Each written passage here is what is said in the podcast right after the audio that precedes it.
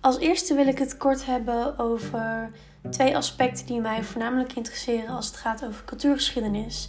De eerste is het dagelijks leven.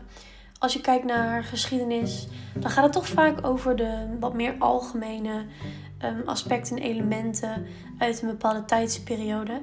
En wat ik voor mezelf heb ontdekt, is dat ik toch het allermeest gefascineerd ben door het dagelijks leven van de bevolking waar het op dat moment over gaat. Dus echt, um, hoe ervaarde eh, de mens in die tijdsperiode het leven? Um, hoe uh, was de samenstelling in de samenleving? Hoe zag het dagelijks leven van mensen eruit? Um, voornamelijk omdat ik dan toch erg benieuwd ben naar ja, welke manier het leven er echt aan toe ging zonder het te veel ja, te romantiseren eigenlijk. En om ook bepaalde verbindingen te kunnen leggen tussen nu en toen. Een andere interesse is de wat meer maatschappelijke. Um, dus hoe zag de maatschappij er toen uit? En vooral hoe kunnen we die tijd en die tijdsgeest verbinden met nu? En wat kunnen we daarvan leren? Iets wat ik zelf heel erg heb gemist in het leren over de oude Grieken en dan dus ook even over de Romeinen, is dat het vaak in die tijd ging over echt over genieten van het leven, het welzijn van de mens. En dat kon je zien aan de standbeelden, de kunst, de, de badhuizen. En wat daar vaak wordt uitgelaten, dat 40 tot 80 procent van de beschaving tijdens de oude Grieken, dat dat slaven waren.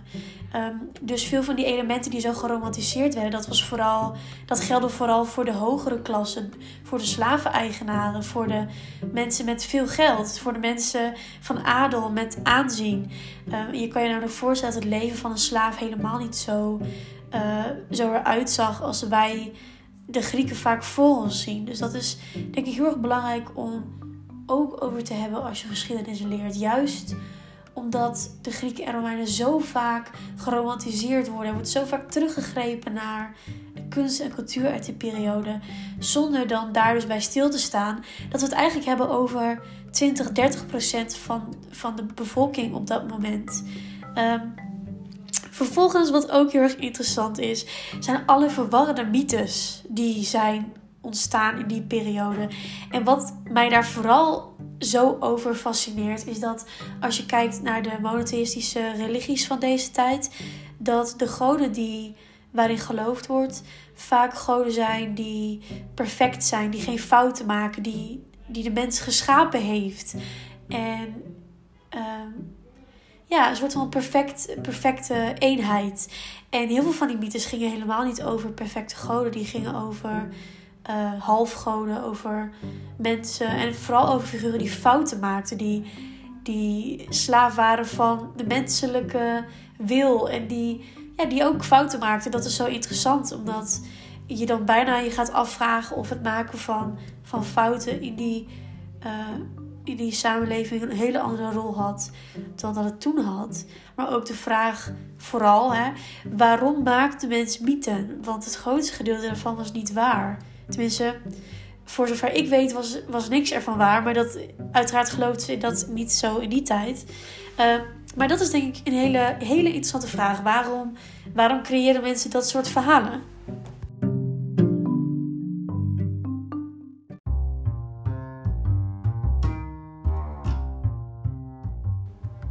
Wat zijn de redenen dat de mensheid steeds blijft teruggrijpen naar de oudheid? Dat is wat mij betreft de centrale vraag die ik heb bij deze opname. Ik merkte namelijk dat toen ik aan het luisteren was naar medestudenten die vertelden over de muziekgeschiedenis in verschillende stijlperiodes, dat onder zoveel tijd de mensheid teruggrijpt naar de oudheid. En dit fascineerde mij omdat ik eerst bijna verward was. Ik dacht, we hebben het toch steeds over een andere periode. En toch is er het een thema wat terugkwam. En dat was dat teruggrijpen naar de oudheid. Um, zo waren bijvoorbeeld humanisten in de Renaissance die zagen een periode van duizend jaar, de middeleeuwen, als een periode van verval. Terwijl uiteraard in de middeleeuwen zoveel fundament werd gelegd, zodat later in de Renaissance al die ontdekkingen gedaan konden worden. En die renaissance die kenmerkte zich door wedergeboorte en het herleven van de oudheid. Maar de renaissance is niet de enige periode waarin dit terugkomt. Um, ook tijdens het klassicisme en periodes daarna ehm, waar ook gewoon echt stukken tijd tussen zitten, wordt steeds weer teruggegrepen naar die oudheid. Um, de antwoorden waarom dit is, weet ik niet. Maar het viel me op dat, dat er dus iets is in de middeleeuwen wat ontzettend uh, iets tijds, tijdsloos heeft. En dat er blijkbaar heel veel elementen zijn die in die oud-Griekse en Romeinse cultuur die mensen fascineert, waardoor ze steeds daarna willen teruggrijpen. Zo werd bijvoorbeeld uh, klassiek, de klassieke oudheid heet het. Het klassiek werd, wordt eigenlijk omschreven als het hoogst bereikbare, het, het hoogst haalbare, het beste. Maar waarom?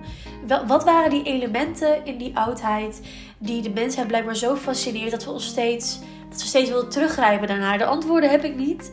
Um, een van de antwoorden zou natuurlijk kunnen zijn dat de oudheid in die zin heel erg ging over, over het, het plukte dag ook. Het genieten van het leven, de badhuizen, de, de beelden, de mythen, de verhalen. Dus het voelde allemaal heel groot. En de tempels, de verheerlijking van het lichaam.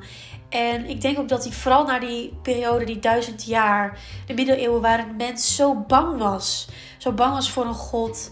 Um, en zo kort leven had, aangezien 80% van de samenleving toen boer was, zo'n kort en angstig leven had en veel meer bezig was met het hiernamaals, dat de mensen niet echt kon genieten van het dagelijks leven. Dat, dat was er toen niet. En ik denk dat daarom om de zoveel tijd, vooral naar wat zwaardere periodes in de geschiedenis, de mens steeds wil teruggrijpen naar die periode waarin het ogenschijnlijk beter was. Wat natuurlijk uh, voor een groot deel ook zo is. Want de oudheid heeft heel veel interessante uh, stijlkenmerken, maar ook historische elementen. Uh, waarin ik heel goed kan stappen dat mensen daar naartoe, daar naar terug willen grijpen. ondanks dat 40 tot, tot 80 procent van de samenleving slaaf was. Dus in essentie en in realiteit was het misschien helemaal niet zo luxe en zo mooi als, als vaak gedacht wordt. Maar de reden dat de mens steeds teruggrijpt naar die oudheid, dat vind ik zo fascinerend. En ik ben heel benieuwd naar wat het antwoord is, wat de elementen zijn. Zelf heb ik het antwoord wederom dus niet. Maar ik ben heel erg benieuwd naar wat anderen daarover te zeggen hebben. En ik ga mijn oren en ogen open houden. En wie weet kom ik dan de volgende keer met wat uh, antwoorden terug.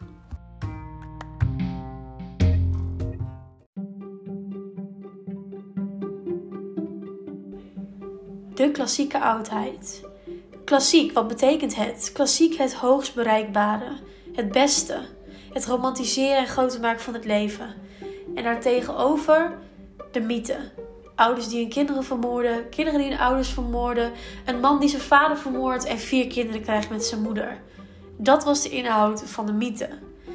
En dan te bedenken dat van bepaalde schrijvers die 123 mythes schreef, er maar 7 bekend zijn.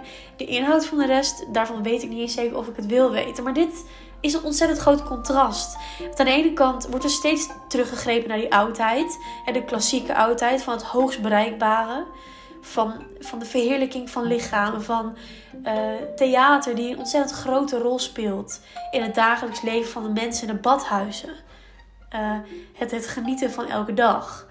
Dat staat in een heel groot contrast met de inhoud van de mythe. En in die mythe waren het geen, geen goden uh, zoals in het monotheïstische uh, geloof wel zijn. Het waren geen perfecte goden die de mens schiep, die, die alles goed deed. Het waren halfgoden mensen die eigenlijk alleen maar fouten maakten.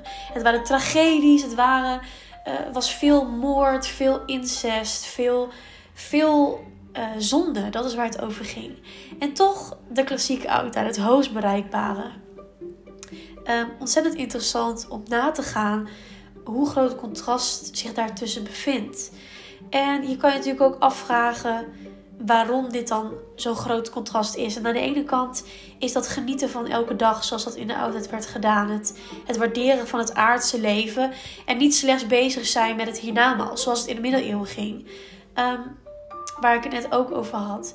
Dat je dus ziet dat op momenten dat mensen niet veel hebben, dat mensen vroeg overlijden, bang zijn voor de wraak en de gerechtigheid van God, dat daarna altijd een periode komt waarin mensen zich meer focussen op het individu, op uh, het genieten van het leven op aarde ook.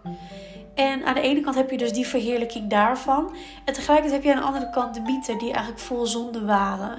Bijna alsof een mens niet vol kan leven en kan genieten van het, het, het aardse leven zonder al die fouten te maken die uh, onderwerp waren van de mythe.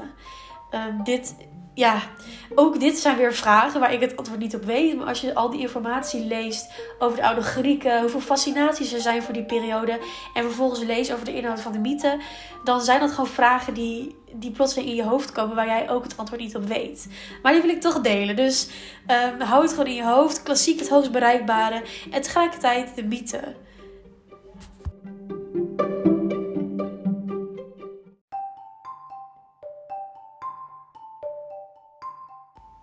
Er zijn twee dingen waar ik mee af wil sluiten. Ehm, de eerste is dat uiteraard worden er altijd achteraf analyses gemaakt van de geschiedenis. Jaren, decennia, eeuwen later wordt er gekeken naar, naar wat er vroeger gebeurde en daar worden dingen over gezegd. Tuurlijk is het grootste deel daarvan gebaseerd op overgeleverde dingen, op teksten, beelden, dingen die, we, die, die visueel tastbaar zijn. Maar wij kunnen natuurlijk nooit echt weten wat er precies gebeurde. Ondanks verhalen, we hebben niet de volledige waarheid. En zo'n analyse wordt uiteraard ook altijd gemaakt vanuit de tijdsgeest waarin er teruggekeken kan worden. Ehm, en we hebben maar een deel van die koppelingen. Dus bij sommige dingen kan je afvragen in hoeverre zijn zulke analyses nuttig en in hoeverre zijn zulke analyses misleidend of misschien niet gebaseerd op de waarheid. En in hoeverre analyseren wij de dingen op de manier waarop wij ze zien, in plaats van wat het bewijs echt zegt. En op die manier, met het mooie voorbeeld van het materiaal wat ik gezien heb, werd de film The Lion King als een soort van sketch neergezet. Waarin in de toekomst mensen gaan kijken wat er eigenlijk in die film gebeurde. En, en daaruit blijkt ook dat, dat het verhaal wat ons verteld wordt, dat is waarmee wij meevoelen.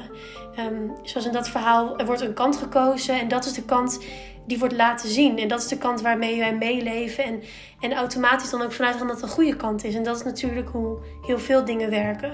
Um, dus het verhaal wat ons verteld wordt, het verhaal dat wij vertellen over onszelf, naar onszelf, het verhaal dat aan ons verteld wordt over anderen, dat is vaak hoe wij. Dat is vaak hoe wij het ervaren als, als de waarheid. Terwijl als je dan uitzoomt en je kijkt naar het geheel en je gaat analyseren wat er echt gebeurt, kunnen er soms hele andere dingen uitkomen. En Ehm, om af te sluiten met mijn visie voor het onderwijs, um, denk ik dat dat een mooi voorbeeld is. Dus dat je met leerlingen kan uitzoomen of dat je hun kan laten uitzoomen en daar de tools voor geeft, zodat dat er misschien wel een hele andere visie naar boven komt.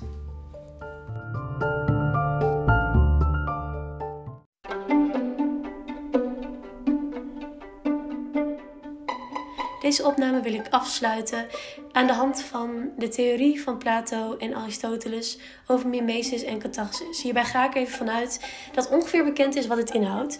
Um, Plato zei natuurlijk dat, dat er voor onze wereld eigenlijk een grot is waarin de echte realiteit zich afspeelt. En dat alles wat wij zien een afspiegeling is moment dat je dus een kunstwerk maakt of een, een stoel schildert, dan maak je dus op die manier eigenlijk een afspiegeling van een afspiegeling. En Plato geloofde dan ook dat op die manier dat je steeds verder afgaat van, van de waarheid, van de meest pure vorm. Daarentegen stelde Aristoteles dat vooral in het geval van theater die uh, weerspiegeling van een bepaalde realiteit ervoor kan zorgen dat mensen zich inleven, dat mensen snappen waar het over gaat. Dat op het moment dat je in een voorstelling dat er een bepaalde situatie wordt afgebeeld, wat dus eigenlijk een soort van herhaling of reflectie is van de realiteit, dan kunnen het weergeven van dat soort emoties gevoelens oproepen bij de kijker. En dat is heel erg interessant om dat weer te koppelen aan de lespraktijk. Want uiteindelijk is dat ook wat je wil doen in de klas. En, en op welke manier je leerlingen kan bereiken. Dus door kunst te gebruiken, door ehm, een kunstenaar is natuurlijk iemand die in die zin iets creëert vanuit datgene wat hij weet en, de creativiteit, datgene wat, wat opkomt. Dus in die zin kan je het een afspiegeling noemen van, van de realiteit. En zodra je die reflectie, die kunst gebruikt om iets wat er in een maatschappij gebeurt te analyseren om of te omschrijven of het als een soort van voorbeeld te geven, op die manier kan je met leerlingen ehm, ehm, dingen die gebeuren in hun eigen leven of in, in de maatschappij om hun heen op die manier kan je dingen wakker maken bij ze, kan je ze laten ervaren. Puur door, door kunst te gebruiken als een middel, zodat leerlingen uh, zichzelf leren kennen, de ander leren kennen. leren wie ben ik in verhouding met de ander, wat is mijn, misschien wel wat is mijn rol in de samenleving. En op die manier kan je dus de theorie over mimesis en catharsis heel mooi Ehm, zien als een metafoor voor CQV, voor het kunstonderwijs. Je gebruikt kunst, gebruik je om iets te laten zien, om de ander iets te laten ervaren. En dat is waarmee ik deze opname wil afsluiten.